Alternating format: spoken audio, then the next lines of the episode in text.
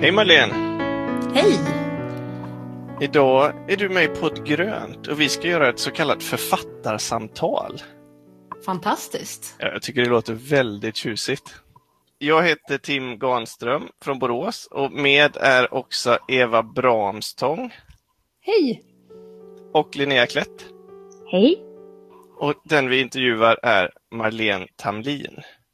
Hej, hej! Är du redo? Jag är redo. Bra. Vi har hört att du har gett dig i kast med en bokserie om demokrati för småttingar. Ja, precis. Den lilla nätta uppgiften. Det låter som en utmaning. Vad är, heter första boken? Ja, vilken som är först är väl eh, en, en fråga för sig. Jag tänkte eh, släppa fem stycken på en gång. Jag vill, det, är lite, det är en serie det här. Det är inte någonting som man förklarar eh, på några meningar. Eh, så att jag tänkte börja eh, med titlarna eh, Nora och demokratin. Eh, Nora röstar. Nora på nämndmöte. Den rafflande historien är det många som längtar efter. Nora räddar biblioteket och Nora och klimatet. Sen har jag en hel lista på, på massvis med Nora-böcker som jag hoppas kan få se dagens ljus någon gång i, i framtiden. Så här idag på internationella kvinnodagen kan jag nämna att Nora och feminismen såklart finns med på den listan. Det låter jättespännande verkligen. Du har ju redan skrivit en barnbok om covid. Ja, det var så det, det började. Ehm, Så jag har alltid varit en, en skrivande person. Eh, Sen har jag under de senaste tio åren eh, rört mig ganska mycket i just eh, samhällsfrågor och politiken och så. Då har jag mest skrivit eh, debattartiklar eller kanske beslutsunderlag och så. Eh, och verkligen saknat att få skriva lite mer för nöjes skull och lite skönlitterärt. Eh, Och nu när jag hoppade av heltidsuppdrag eh, som förtroendevald så eh, tog jag mig tid att, att sätta mig och, och skriva. Och jag hade nog tänkt att jag skulle skriva för vuxna, men, men eh, nu är det så att jag har en fyraåring hemma, hon var tre då, och så kom det här corona och så satt vi och pratade om, om vad det är. Och jag tror ju på att, att försöka förklara även komplexa saker för, för små barn. Sen får man ju försöka göra det på ett anpassat vis. Så vi satt och pratade om det här. Hon var hemma från förskolan ganska länge för hon hade lite, lite hosta. Och då blev det en bok helt enkelt. Vi satt och pratade, jag satt och ritade lite, försökte visa det här lilla monstret Kove eh, som vi översatte viruset till. Och så la jag helt enkelt ut den här historien gratis på nätet och eh, den blev väldigt populär och spridd och folk började höra av sig och säga kan du inte göra en riktig bok av det här? Eh, Så på den vägen eh, är det, så blev jag barnboksförfattare. Sen har jag släppt två sagor för barn eh, sedan dess också. Men i den här serien då om Nora och demokratin så eh, återgår jag lite grann till eh, det koncept som jag råkade snubbla in på från början. Att, att just det här att förklara komplexa saker för, för barn på ett enkelt och kul vis med, med enkla färgglada illustrationer. Skäms du inte ens lite över att liksom på ett år ha gett ut tre böcker? Det är väl eh, när man har jobbat sådär mer än heltid eh, dygnet runt eh, i, i tio år så är det svårt att trappa ner på farten eh, över en natt. Så att det är nog bara att jag har fortsatt ånga på helt enkelt. Och så tror jag att det har, det har legat många historier eh, liksom i, i bakhuvudet och grott. De har nog bara väntat på att få komma ut. Efter, efter eh, Kobbe och tvålen som den här coronabarnboken heter så, så bara rann det ur mig. Så att jag har gett ut tre men jag har skrivit åtta. Jag, t- jag tänker på alla f- som vill bli författare som bara önskar att de skulle kunna skriva den där första boken och dessutom få den utgiven. Och här kommer du liksom på ett år med tre böcker. Eller åtta då kanske. Ja, förhoppningsvis. Eh, nu är det ju så att jag har startat en, en Kickstarter för den här eh, Nora-serien. Vad betyder det? Det är en sorts eh, crowdfunding, alltså att man går ihop och finansierar eh, tillsammans istället för att gå till några rika gubbar någonstans eller, eller i, i, numera ibland gummor och, och hoppas att de gillar ens idé. Eh, så kan man helt enkelt eh, rikta sig ut mot eh, ja, potentiella kunder och engagerade och intresserade. Eh, och så kan man med många bäckar små finansiera en idé. För det är så att, att barnböcker finns det eh, ganska lite pengar i i Sverige. Eh, och det är ett väldigt litet nålsöga att bli utgiven av de här stora förlagen. Och jag har fått, eh, jag har skickat till ett större förlag som tyckte att idén var bra men tyckte att ämnet var för smalt. Och då blev jag lite provocerad för jag tycker inte att demokrati är ett smalt ämne. Nej, absolut inte. Så då eh, har jag fått tag på ett eh, litet förlag som, där vi försöker finansiera det här tillsammans då, genom den här kickstarten. Eh, eftersom vi också vill släppa dem som en, en serie på en gång så, så blir det ju en del i tryckkostnad först. Vilka åldrar eh, riktar sig den här serien till? Ja, det, det, blir ju lätt så att man eh, kopplar till något som finns nära och jag har som sagt en, en fyraåring hemma. Eh, så att det är ju någonstans från fyra och uppåt, alltså tre, de här klassiska indelningarna av åldrar mm. för böcker, de heter ju tre till sex och sen sex till nio. Men jag skulle väl säga att den här ligger någonstans eh, mittemellan dem.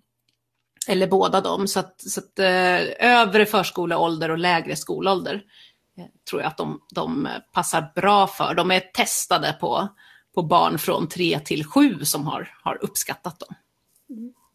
Det låter ju som att Nora på nämndmöte kommer ju locka alla demokratinördar. Det, det må, jag ställde frågan faktiskt här på mina sociala medier. Vilken eh, titel är du mest nyfiken på? Och det var ett rungande eh, hej på just Nora på nämndmöte. Eh, jag tror att det är många fritidspolitiker där ute som eh, kanske saknar den här boken också för att förklara för sina barn varför man eh, försvinner iväg på möten titt som tätt hela tiden. Mycket tyder ju på att du eh, har eh, lite mer eh, demokratinördiga vänner än vad folk har mest. Ja, jag har nog det och det var väl därför jag vågade mig på det här med en, med en Kickstarter. Jag hade förhoppningen, eller har förhoppningen att, att eh, jag ska ha ett eh, nätverk som eh, når ut till dem som blir tilltalade av den här idén. Det är ju så med Kickstarter att man kan både gå in och så att säga förköpa böcker till sig själv eller, eller barn i sin närhet. Eh, men sen har jag ett samarbete också med eh, Rädda Barnen norra Västmanland. Eh, en liten Rädda Barnen-avdelning som också är väldigt engagerad i det här med, med att sprida demokrati till barn. Så det går att, om man inte har barn i sin närhet men ändå gillar idén, då kan man donera böcker till Rädda Barnen norra Västmanland. Så delar de ut dem till, till barn som kan tänkas ha nytta av dem och behöva dem. Eh, de, de, vi hade också ett samarbete om eh, KV-tvålen. De delade ut KV-tvålen till alla förskolor i norra, norra Västmanland faktiskt, i höstas. Att eh, dina böcker handlar just om demokrati är ju kanske inte en superstor överraskning, för du är ju en av mina idoler. Jag har förvånats över ditt eh, engagemang just för demokratifrågan. Vi, vi, glömde ju nämna det, men innan du blev eh, världsberömd författare så var du sammankallande för partistyrelsen i Miljöpartiet. Ja, precis. Det var ett av de där dygnet runt-uppdragen jag har haft. Ja, när man bara sitter vid sidan om, särskilt i lite obskyra Facebookgrupper långt bort från eh, den onda ledningen, så kan man ju få intrycket av att ledningen i alla organisationer är ganska ond. så att eh, när jag dök upp på ett partistyrelsemöte första gången så blev jag väldigt eh, imponerad och glad över hur stort fokus du som eh, sammankallande i PS hade på demokratifrågorna och vad kongressen faktiskt har bestämt, oavsett vad folk möjligen tycker i rummet. Det var väldigt roligt att se. Tack, vad, vad roligt att du säger det. Men det, det, är så, jag tycker att det är väldigt, eh, Eh, alltså det är ju grunden för vårt samhälle och eh, idén lite bakom de här böckerna eh, väcktes ju också någonstans har det legat i bakhuvudet. För ganska många år sedan så blev det en hel del rubriker kring en, en opinionsundersökning som visade att mer än var fjärde ung i Sverige tyckte att diktatur verkade som en ganska eller väldigt bra idé. Eh, och det här gav mig lite ont i magen för framtiden. Och det har ju, jag har inte sett någon ny undersökning just kring den här frågan och den åldersgruppen. Men jag kan ju säga att demokratin har ju verkligen fått ännu fler utmaningar på, på sista tiden. Den är ju under eh, attack mer eller mindre över hela, över hela världen. Och det enda sättet att, att stärka demokratin det är ju eh, genom eh, kunskap och demokratiska värderingar eh, liksom i befolkningen. Och med det här i bakhuvudet någonstans som har legat och grott så har jag sen gått och blivit förälder och jag försöker bibringa mina barn mycket läsning, för det är bra. och eh, vi läser mycket böcker och sen har jag upptäckt att det finns liksom inga böcker eller väldigt få böcker på de här temana för de små barnen. Alla böcker om demokrati och samhällsfrågor generellt, de eh, börjar liksom i mellanstadieålder. Och jag tycker att det är alldeles för sent att börja med demokrati. Jag tror att det är jätteviktigt att sätta den här känslan i varenda barn, varenda unge som Märta Stenevi brukar säga, att samhället är något vi gör tillsammans och något man kan påverka. Och den känslan får man ju om man också vet hur det fungerar. För att återkoppla till det du sa då, det här med att ledningen ofta känns ond och långt bort. Eh, ju närmre man kommer ledningen, desto mer egen makt känner man ju att man har, desto mer ser man att ledningen kanske ganska ofta ändå inte är så ond, eh, utan ofta är liksom helt enkelt engagerade människor som har, har ställt upp på uppdrag efter uppdrag och hamnat där. Sen är det klart att det är lite olika eh, eh i olika organisationer och så, vilka som hamnar var. Men, men jag tror att det är en väldigt viktig del i att, att förebygga politikerfrakt som ju också är ett hot mot demokratin, eh, att förstå hur saker fungerar, så man vet vem man ska höra av sig till helt enkelt, så att det inte blir bara någon obskyr, ond ledning där borta. Så att man kommer och sätter sig på det där partistyrelsemötet som du gjorde. Eller så att man går på det där nämndmötet och lyssnar och, och kommer med egen input, mejlar sin politiker. Jag tänker också att de barn som en gång har läst dina böcker kanske känner mer hopp för att kunna påverka samhället än vad jag faktiskt tror att många unga idag eh, gör. Jag, jag, tror det är jätteviktiga böcker, Marlene. Verkligen. Tack för att du, tack för att du säger det. Jag, jag, jag känner ju också så. Jag hoppas, hoppas att, att fler ser det här. Ett problem eh, i bokbranschen också, ja, det här är ju nytt för mig som sagt. Jag, det är ett år sedan jag gav mig in i författarskapet på riktigt. Men Eh, ett annat problem är att mycket av det när det gäller bidrag och stöd och så som man kan få för böcker, det kommer alltid efter att böckerna finns. Mm. Eh, så det här med att faktiskt få till böckerna, de ska eh, liksom formges och sättas och tryckas och eh, lagerhållas och allt vad det är. Eh, det måste man liksom eh, göra först och har man då en lite lite udda idé som det här tydligen är, då eh, är det lite svårare att, att, få de här eh, stora kommersiella musklerna bakom sin idé och då måste man hitta andra vägar. Så jag hoppas att fler vill haka på. Det har gått ganska bra faktiskt. Vi har, jag har ju eh, försökt, försöker få ihop 15 000 för det här och då eh, täcker det ungefär halva kostnaden. Och eh, vi är uppe i över 11 000 så att nu är det mindre än 4 000 kronor kvar jag har gott hopp om att vi ska lyckas. Och skulle det gå ännu högre än, än målet, då finns det som sagt fler böcker som väntar och, och, nästa på tur som är nästan klar, det är Nora åker till Bryssel. Så de som är sugna på den får gärna få se till att Kickstarter kommer ännu högre än, än 15 000 så ska vi få, få till den också. Att, att demokrati skulle vara ett väldigt smalt ämne, det är ju det är absurt egentligen. att, det blir, eh, att det är det de reagerar på. Ja, desto viktigare är ju böckerna. Bibliotekarien i mig ser ju detta som en, som en alldeles, alltså helt naturlig del av HCF-hyllan på biblioteket. Alltså speciellt, jag har jobbat mycket på skolbibliotek och det, jag tror att många skolbarn också skulle behöva liksom se de här böckerna och förstå att man kan påverka på så många bra sätt. Ja, det, det är jag får många nyfikna frågor ändå, så där, just från bibliotekarier och förskolelärare, lågstadielärare. Eh, det finns ju med i förskolans läroplan också att man ska jobba med mm. demokrati och jag tänker att det kan välkomnas eh, att få böcker att, att jobba utifrån. Alla de här böckerna kräver ju lite grann ändå av, av den vuxna också, för det är ju, man kan ju inte ge alla svar på på liksom eh, 12 uppslag eh, med mycket bild.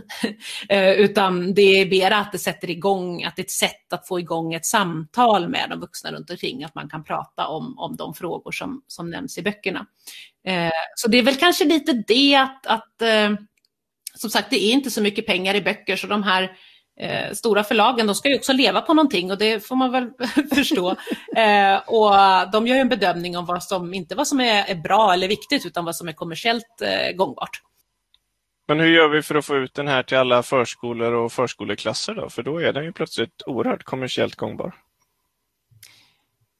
Ja, det får vi se. Jag är som sagt ingen expert på det här. Jag och eh, det lilla eh, förlaget, Ditt bokförlag heter de, som, som också tror på den här idén. Eh, vi kommer väl göra vad vi kan helt enkelt för att få ut informationen. En sak är att, att ställa upp på olika poddar så här. Det är jätteroligt att, att få vara med. Men sen när böckerna väl finns, då är det ju också lättare, för då kan man skicka dem till diverse recensenter, man kan skicka eh, prov till, till eh, vad vet jag, förskolekoncerner och, och skolförvaltningar och så vidare. Så att då är det lite lättare att få uppmärksamhet och spridning för en bok när den väl finns. Sen är det där att den ska finnas först.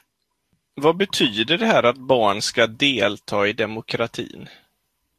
Jag tänker att det handlar mycket om att uttrycka en åsikt, att eh, känna att man är en del, att det inte bara är något som någon annan håller på med. För jag tror att den känslan kan följa med sen, även när man blir 18 så har man, har man i 18 år gått och tänkt att demokrati är något någon annan gör. Eh, så kan det nog vara lite svårt att liksom peppa igång sig på att plötsligt är man en av dem som gör.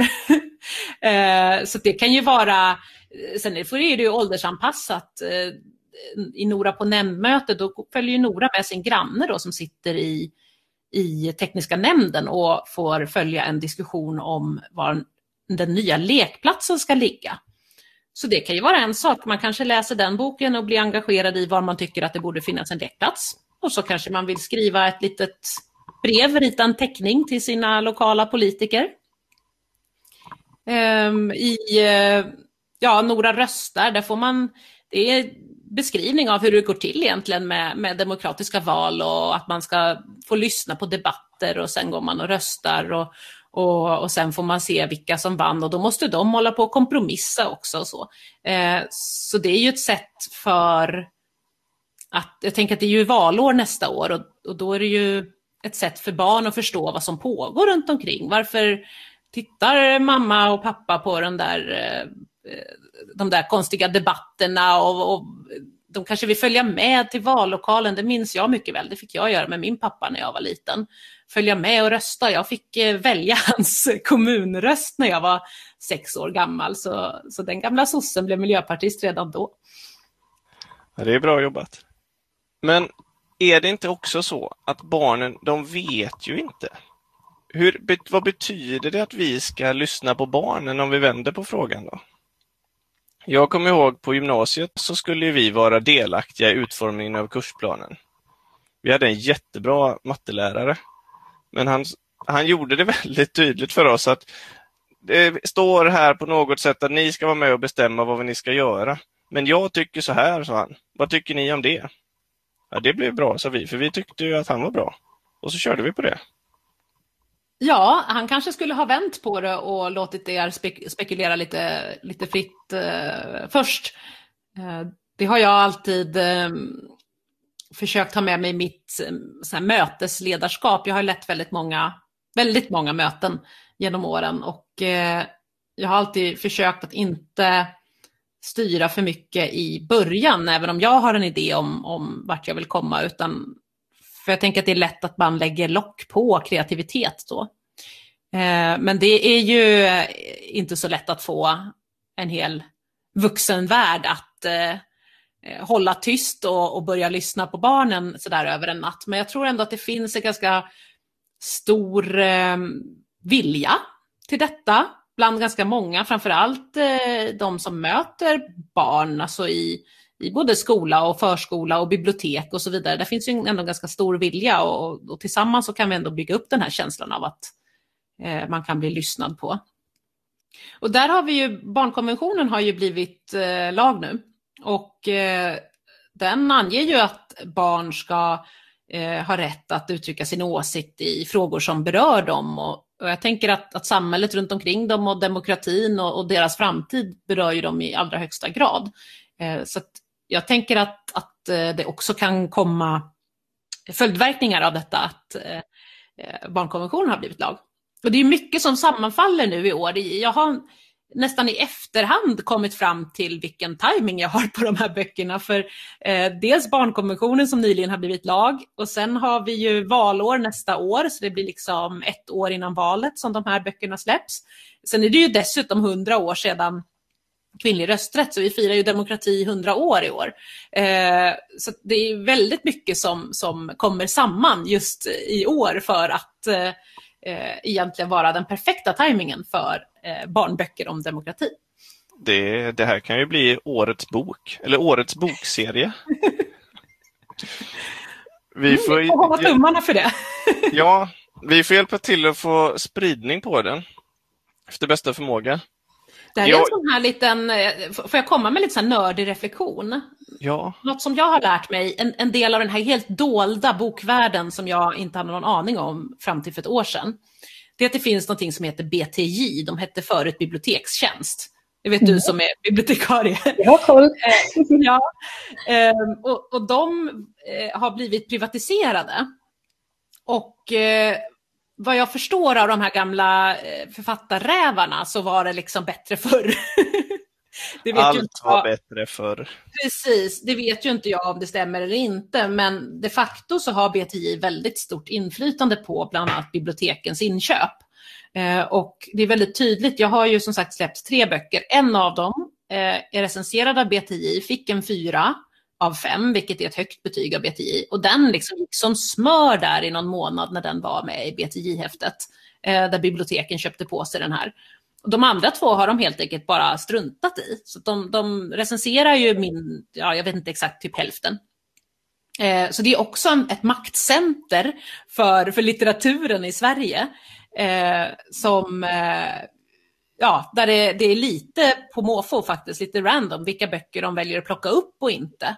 Eh, och eh, finns man inte i BTI-häftet då blir man ganska osynlig mot biblioteken och biblioteken är ju jätteviktiga för att nå ut med, med litteratur. Så det finns ju många bibliotek som köper in sånt som inte går med i BTI, men det är också många bibliotek som köper rakt av det som får fyra eller fem år i häftet. Så är det ju. Eh, det finns ju mycket problematik i det också. Ja, men det är liksom intressant eh, infrastruktur liksom bakom eh, bokvärlden som, som jag tror att få som inte jobbar med böcker känner till. Eller jag kände inte till det i alla fall. Nej. Och, jag, och, det är ju så, det går ju att komma ut. Kobbe och tvålen blev inte recenserade av BTI. De tyckte inte att det eh, under våren 2020 var aktuellt med en barnbok om corona. Eh, men men den, har ju, den har ganska många eh, bibliotek eh, hittat ändå faktiskt. Ja. Ja, men det låter ju ändå som att det skulle vara svårt för BTJ att ducka en bokserie om eh, demokrati ett år som detta. Ja, vi får se. Vi får se. Det är en utmaning till eh, alla BTJ-lektörer där ute som lyssnar på detta. ja, och hur kommer man ut i skolorna då? Har du listat ut det eller måste du ta varje skola för sig? Jag, jag har faktiskt inte listat ut det. Eh, det Problemet är ju att jag har debuterat under eh, coronatider, så just nu är det ju ingen som kommer ut i skolorna, inte ens föräldrarna får ju gå in. så, så, det är ju ett eh, stort problem. Hela den här världen med författarsamtal och så, som eh, också de här gamla rävarna pratar drömmande om, den har ju jag liksom gått mig förbi än så länge. Du har inte fått sitta sådär med benen i kors i en stol med så här kostymkläder på dig? Nej, en, en gång, ett författarsamtal har jag haft, det är mitt lokala bibliotek här hade, när det var lite lugnare där i, i, i höstas, eh, då hade vi en, en liten träff där jag läste högt för några barn ur, ur mina böcker. Eh, det var väldigt eh, roligt och det var också väldigt eh, populärt faktiskt. Så jag ser väldigt mycket fram emot att, att eh, få lite mer sånt i kalendern i höst hoppas jag. Ja, jag, jag håller tummarna för dig. Och vi får hjälpas åt att lista ut hur man gör för att nå ut till skolorna. Men nu är det så här att Linnea ska upp klockan fem imorgon. Så att vi måste runda av det här samtalet. Eh, jag hoppas att vi kan prata någon mer gång med dig, för vi vill dyka in och nörda ner oss både i demokratifrågan och eh, skolan som också är med och fostrar de här barnen i demokratisk anda. Mm, absolut. Och eh, jag kan ge en liten teaser och det är att jag också har skrivit, jag har inte bara skrivit, jag sa faktiskt fel, jag har skrivit elva barnböcker. Eh, kom jag på, för det är fem om Nora, sen är det tre andra som är på väg också. Eh, I alla fall, förutom dem så har jag skrivit en vuxenbok också, en handbok i ordförandeskap. Som är under redigering just nu. Så att, eh, eh den kan vi prata om någon gång eh, också, kanske i höst, om den har hunnit komma ut. Då. Då har vi alla möjligheter att dyka ner och nörda ner oss i demokratifrågan. Absolut. Eh, och jag hoppas ju verkligen att till slut, eh, sista Nora-boken måste väl ändå bli Nora läser kommunallagen. jag har skrivit upp den som ett önskemål. Ja, det är bra. Jag är tacksam för det. Risken är ju att många av uppslagen handlar om att Nora sover. ja, den, den, risken finns ju alltid. Men, men med det sagt, nu får vi runda av. Det får vi göra. Tack så jättemycket för att jag fick vara med. Det var ja, roligt. Tack Marlene. Tack så mycket att du tog tid. Tack så mycket. God natt på er. Hej då.